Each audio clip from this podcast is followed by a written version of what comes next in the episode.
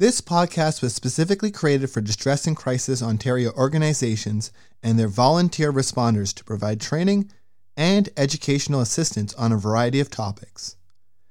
As information evolves and changes, these podcasts are meant to offer ongoing support with the goal of updating them on an ongoing basis. We thank the volunteer responders and the contributors to this podcast.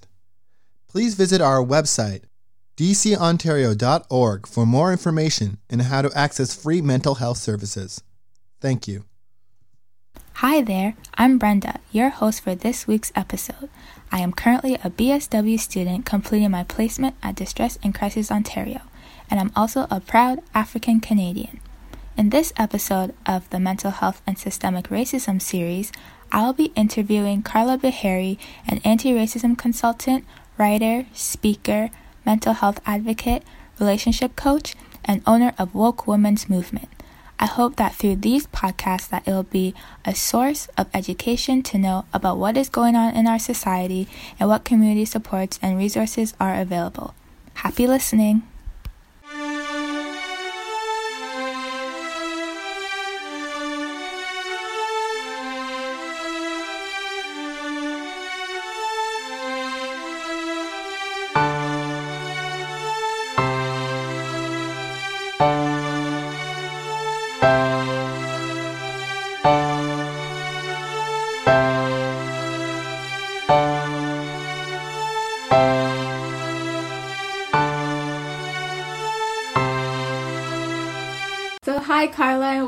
To our interview podcast today. So, could you please tell us about yourself and the work that you do?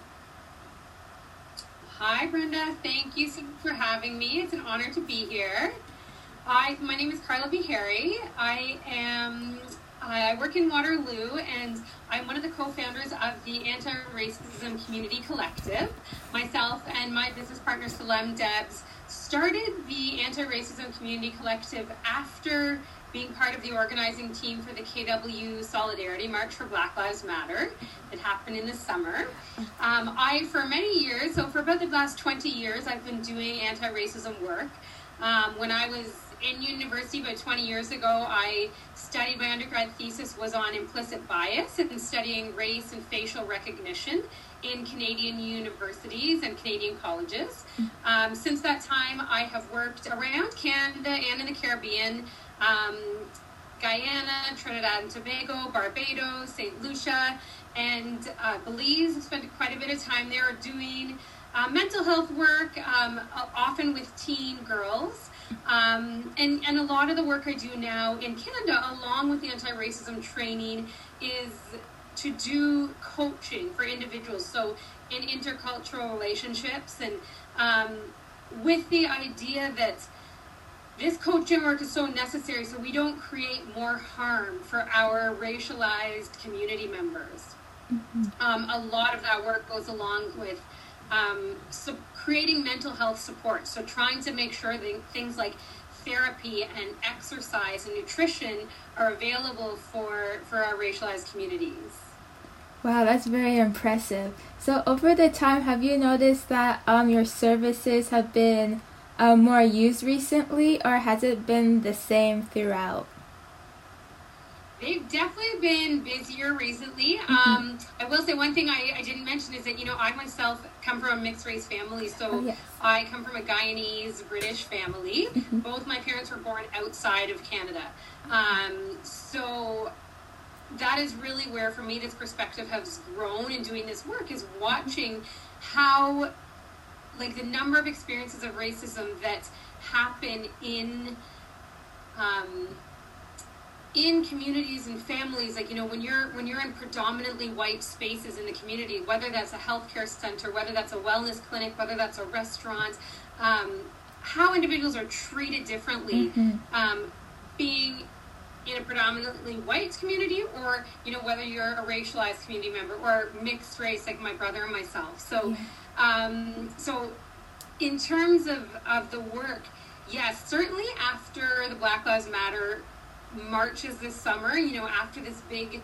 you know, I think we're really in the midst of this civil rights movement right now. And, mm-hmm. and a lot of individuals are waking up to the fact that they have built predominantly white spaces and Yeah. businesses, and, and I think some of it's fear. I think some of it is, um, you know, some of it's white guilt, some of it is fear, and then some of it is really genuinely individuals who want to learn and want to do better and want to know um, how to create workplaces and services that meet the needs of our BIPOC, Black, Indigenous people of color community members. Yes.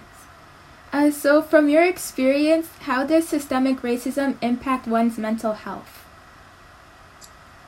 Okay, so this for me is like a big, a big question. Um, I think that it is impossible to look at mental health and wellness without looking at systemic racism.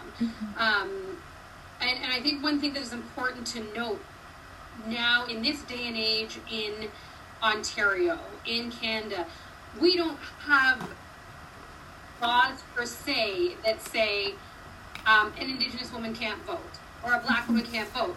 But we need to remember that our system of politics and healthcare and wellness and policing are built on those colonial white supremacy systems.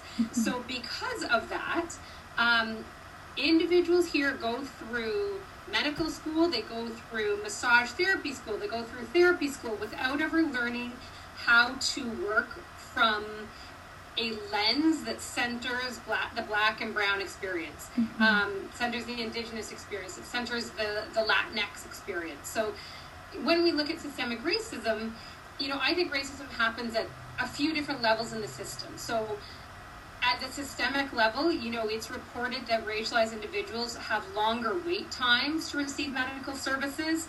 We know statistically that um, racialized women are more likely to experience postpartum mental health crises, more likely to experience postpartum depression. Um, we know that um, Canadian residents that are of Caribbean and East and West African descent have uh, 60% higher rates, rates of psychosis, Oh, wow. higher rates of severe depression, higher rates of schizophrenia. Um, 72% of black physicians in Ontario, or sorry, in Canada, report experiencing racism on the job. Um, so I think one thing that's important to remember is that the system right now that we have is held in place by individuals, which means that you may you may go into the racialized person. You can go into a hospital waiting room, and when they look around at who is like trying to access services, who gets through the system first? Is it a white man or is it a black man? Um, you know, it's often reported that um, pain in black women and racialized women is thought to be perceived differently. So um, it's it's it is an unconscious bias or an implicit bias by many healthcare practitioners to think, oh, okay, this woman's just exaggerating, or that pain isn't um, on the same scale as when it is reported by a white individual. So, um, so you know, we know that in the system, our racialized community members have barriers to accessing care. Sometimes those are financial barriers, sometimes those are geographical barriers, sometimes that is not being able to find a practitioner who has a culturally informed lens. So if I go to doesn't have an understanding of Guyanese culture and what is important in Guyanese culture in terms of family, in terms of nutrition, in terms of food intake, um, then either I'm not going to go back to them or I am not going to follow the advice, right? If they don't really see me or understand me. Um, so, you know, in the levels of the system, there is like the systemic level, there is the practitioner level of bias, and then individual and community um, levels of barriers, you know, where Yeah.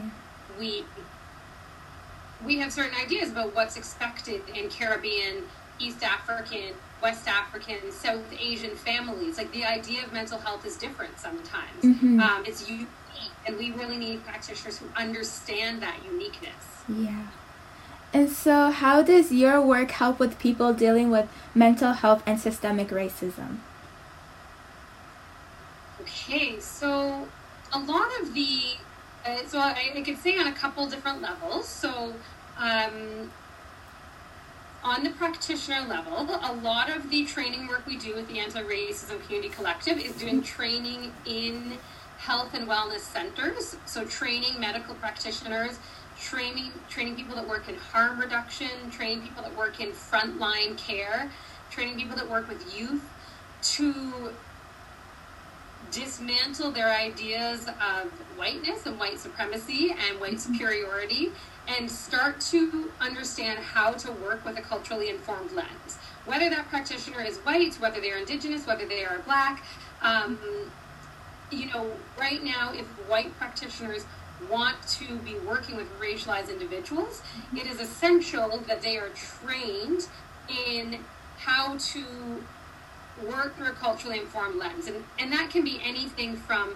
training clinics on how do you how do you run your interview questions? How do you form your intake forms? Um, you know, like how do you write the questions on your intake forms, and do you meet the needs of what racialized individuals are looking for? Um, so that would be one level of the system is training practitioners. Um, the other, you know, training practitioners often were white. Um, the other mm-hmm. part of it is um, on my site, I have started a wellness practitioner database for for BIPOC individuals to try to access care from mm-hmm. therapists and fitness studios and wellness studios who are um, from racialized individuals. So um, I have a, a, small database started, and in in the Kitchener Waterloo area, you know, we're lucky enough to have um, you know therapists like Nicole Brown Faulkner, who you know who works in healing trauma in individuals. We have Juicy Yoga, Black owned fitness uh, yoga studio, Freedom Cycle, Black owned fitness studio, and you know, like trying to make sure that we keep amplifying this work that is being done by individuals in the community mm-hmm. in order to make sure that anyone in our BIPOC communities are able to reach the services that they need. Yes. I think that's so important because living in a white dominated society, it's hard to find these resources because if it wasn't for so I volunteer with Africa Camp and so that's how I oh, found out about Salam. But if it wasn't for yeah. that, I wouldn't know about all these um, resources that are out in the community. So I really like how you've already started a database for that. That's yes, really cool. thank you. Yes, and Africa Camp is great. I know um, Salam's son also yeah. uh, is connected to the Africa Camp, and um, yes, we're really lucky to have organizations like Bring on the Sunshine and mm-hmm. the ACB Network and Aqua and Black Lives Matter Waterloo Region yeah. and the Caribbean Association and the African Association. So in this community, there's a lot of people who are mm-hmm. Providing these spaces, and to me, that is essential for mental health. So. Yeah whether you're going to celebrate culture, like at um, Bring on the Sunshine Festival, mm-hmm. or you're going to try to change policy, which is more of the work that someone like the ACB network might do. Yeah. Each of those spaces is is essential to have in a functioning community to support racialized individuals. Mm-hmm. So, could you eliminate or share one story uh, or example of how systemic racism has affected your mental health or someone you know? And how did you or the person you know grow through the experience? Mm. Okay, so I want to share an experience that is very closely connected to my family. Mm-hmm. Um, and that is through so in in looking at what services are available for our elderly our elders in our mm-hmm. communities, right? And what I've experienced in the last five to ten years is that often white families who have generational wealth are able to place their white grandparents into homes, retirement homes, care centers that have, you know, that are very luxury, that are very privileged those things cost sometimes like four thousand dollars a month. Mm-hmm. Um, they're very very expensive, right? They are often predominantly um, populated by white individuals. Um, my grandma, who is not alive anymore in Toronto, Um, we tried for years to get her into a safe space. Guyanese culture, she didn't want to go into any spaces, right? She was one to live independently. She did until she was 90 something years old. But, you know, nearing the end of her life, like she needed to go into access um, a space that could offer her more support than we could offer her. And um, where she ended up was a space that is heartbreaking to see. It is, um, you know, in the home that she was in, um, in Toronto. If you walk through this place, it is like nothing I have seen before. It was like literally the hallways were packed. Like when I say packed, I mean like like wheelchair after wheelchair after wheelchair mm-hmm. of black and brown individuals. Um, she died within days of, of getting into that space because she caught um, she got pneumonia that she picked up when she got into that space. And you know, I still think about this experience because when we were in there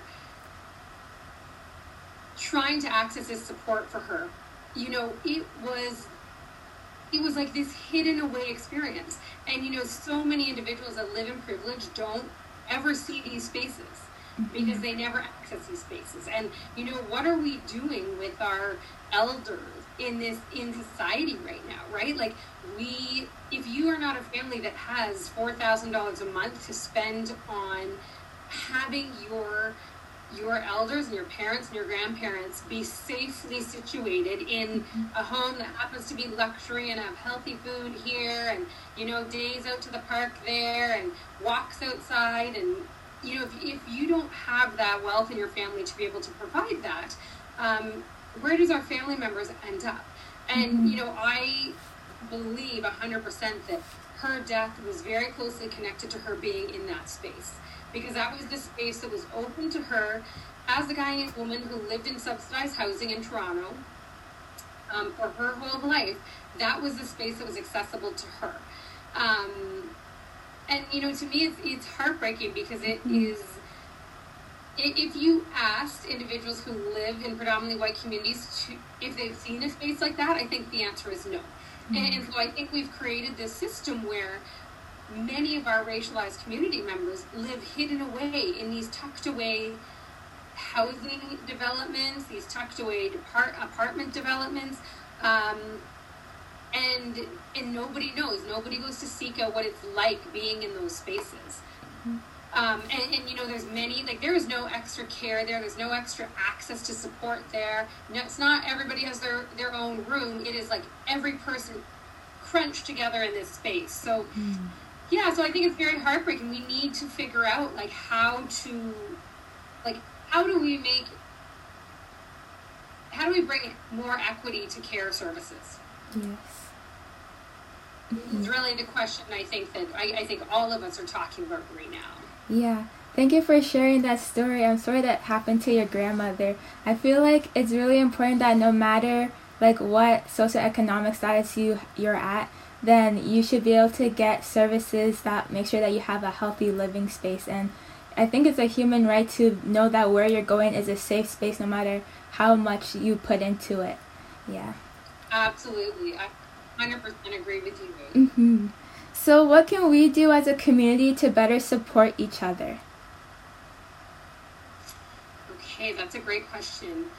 I think that one thing that I've seen recently mm-hmm. in a lot of trainings that, um, oh, okay, there you go. Um, okay, so one thing that I have seen recently is that there's often an idea in medical and wellness spaces now who are just trying to change and develop an anti-racism lens. I think there's this idea that oh, we're just going to do a simple training, then we're going to hire a couple black and brown folks, and then we're going to be good. And so I think, or we're just going to make our services available to black and brown communities. I think the problem with that is that there is a lack of understanding that in many of our communities, indigenous communities, uh, African communities, Caribbean communities, care looks different. We follow more of a community care model often. Mm-hmm. And which means like you're not just creating your exact same services but have them run by a brown person and thinking that you've done the work. To do this work properly, we need to build an entirely different model that matches the ideas of, of culture that, that are indigenous and black and brown communities. So I'll, I'll give you an example of um, in okay, can you hear me okay? Oh, it's kind of like cutting in and out. Okay. Um, I think it's better now. Yeah. Okay, so yeah, so I'll give you an example. Like in in Guyanese culture, wellness isn't only connected to your physical body. Um, you know, there's and it's not necessarily only connected to emotions like happy, sad, angry, depressed. Like it's there's a there's a real spiritual element as Mm-hmm. well, right? And I know that this exists um, in many different ways in different African cultures and in indigenous cultures. That you know, there's an idea of spiritual. Um, you know, you sometimes you call it like the jumbi, or you call it different. You know, like in Guyana, you know, we'll talk about okay, like are these spirits infiltrating your house, and right? How do you how do you rid these bad spirits that that come to you? And and these things are very common in racialized communities. They're connected to how we experience health and wellness. Um, but those things are not those things are always missed in if you try to provide a care model that just represents what is given it to white communities you know there's not necessarily enough of an expansive way of thinking um, you know community care often looks like being in a healing community together it looks like having individuals like when individuals go through birth they go through death um, sometimes elders in the community come and sit with you for days, for weeks, for months, right? That's part of the healing model. Um, and so I think in Canada, we have a very sterile model. Um, it's very sanitized, very sterile. Like, this is how it happens. Here's a prescription. You take it and you go.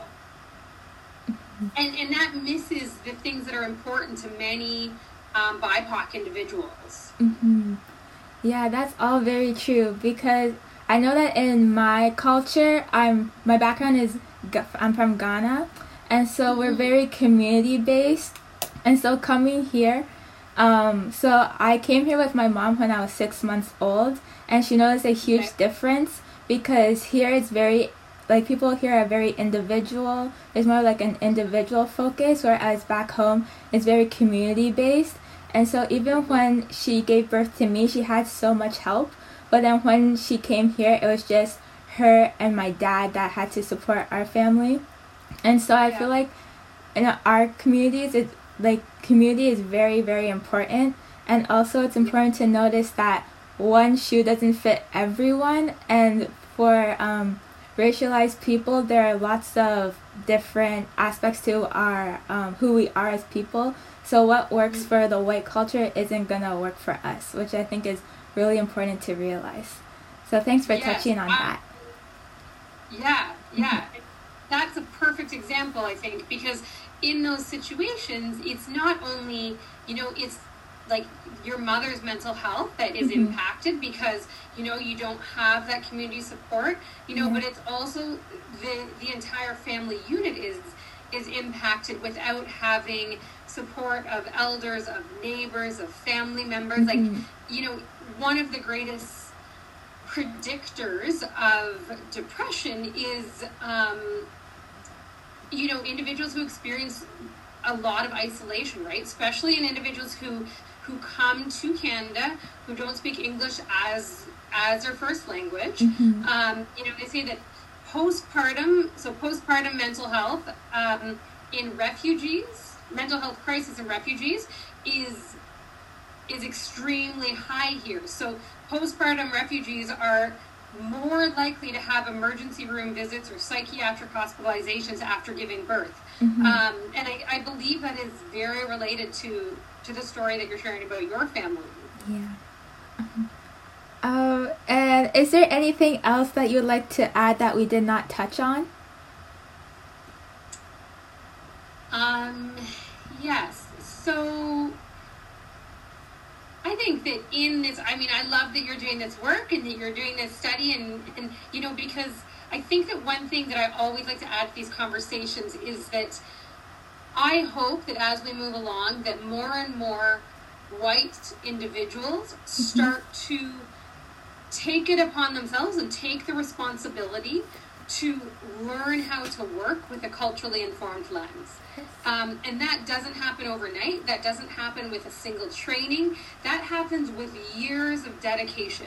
It happens with, you know, before you hire racialized individuals into your wellness space, before you try to make your services available to to racialized residents, you need to first be very, very equipped to understand how to run these services without harm.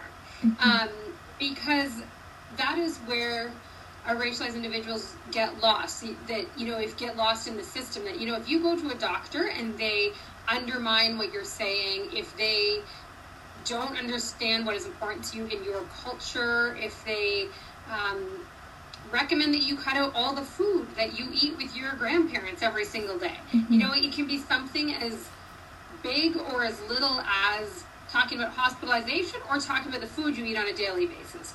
Um, it is essential that this work is not just carried by racialized community members alone. So, really, for the mental health system to work, we need to have like anti-racism training and education needs to be mandatory from i mean basically kindergarten yes. but you know kindergarten school high school college university and especially in in our professions like in the medical profession and the wellness profession that as much as learning about medications or nutrition there needs to be learning about how do you work with a, an anti-oppression and anti-racism lens. Um, and you know, we're not always focusing on like when when racialized individuals come in with higher levels of diabetes, with higher levels of heart disease, with higher levels of fibroids, that's not from a default. That's not from like, oh, racialized individuals don't take care of their health. Health. Mm-hmm. That's not because Guyanese people are um, deemed to be inactive and lazy and don't do the right thing or don't eat the right thing right? Because that's mm-hmm. often where the system goes is in placing this responsibility on some inherent flaw in the individual. So we need to remove and dismantle that mindset and, and understand that the system that we live in is flawed. It is not the individuals mm-hmm. from our BIPOC communities who are in any way flawed. Um, so I think that that is a key step to to creating these spaces for our community members. Thank you so much for sharing that. That's really important because, yeah, usually there, in the workspaces I go to or like school, it's mostly um, white dominated. So sometimes our stories get missed. And I think that's where like stereotypes come in. And so with those stereotypes that people have, people usually miss what the reality of being a person of color is. And so I really like also I was looking at your website and I saw that um you do like uh what was I say? Um like you do events where people get to tell their stories of resilience mm-hmm. and I think that's really cool. Yeah, because I feel like listening to other people's stories you see what people are actually going through because if you don't live that life then you may not know and just because you don't know it doesn't mean it's not happening.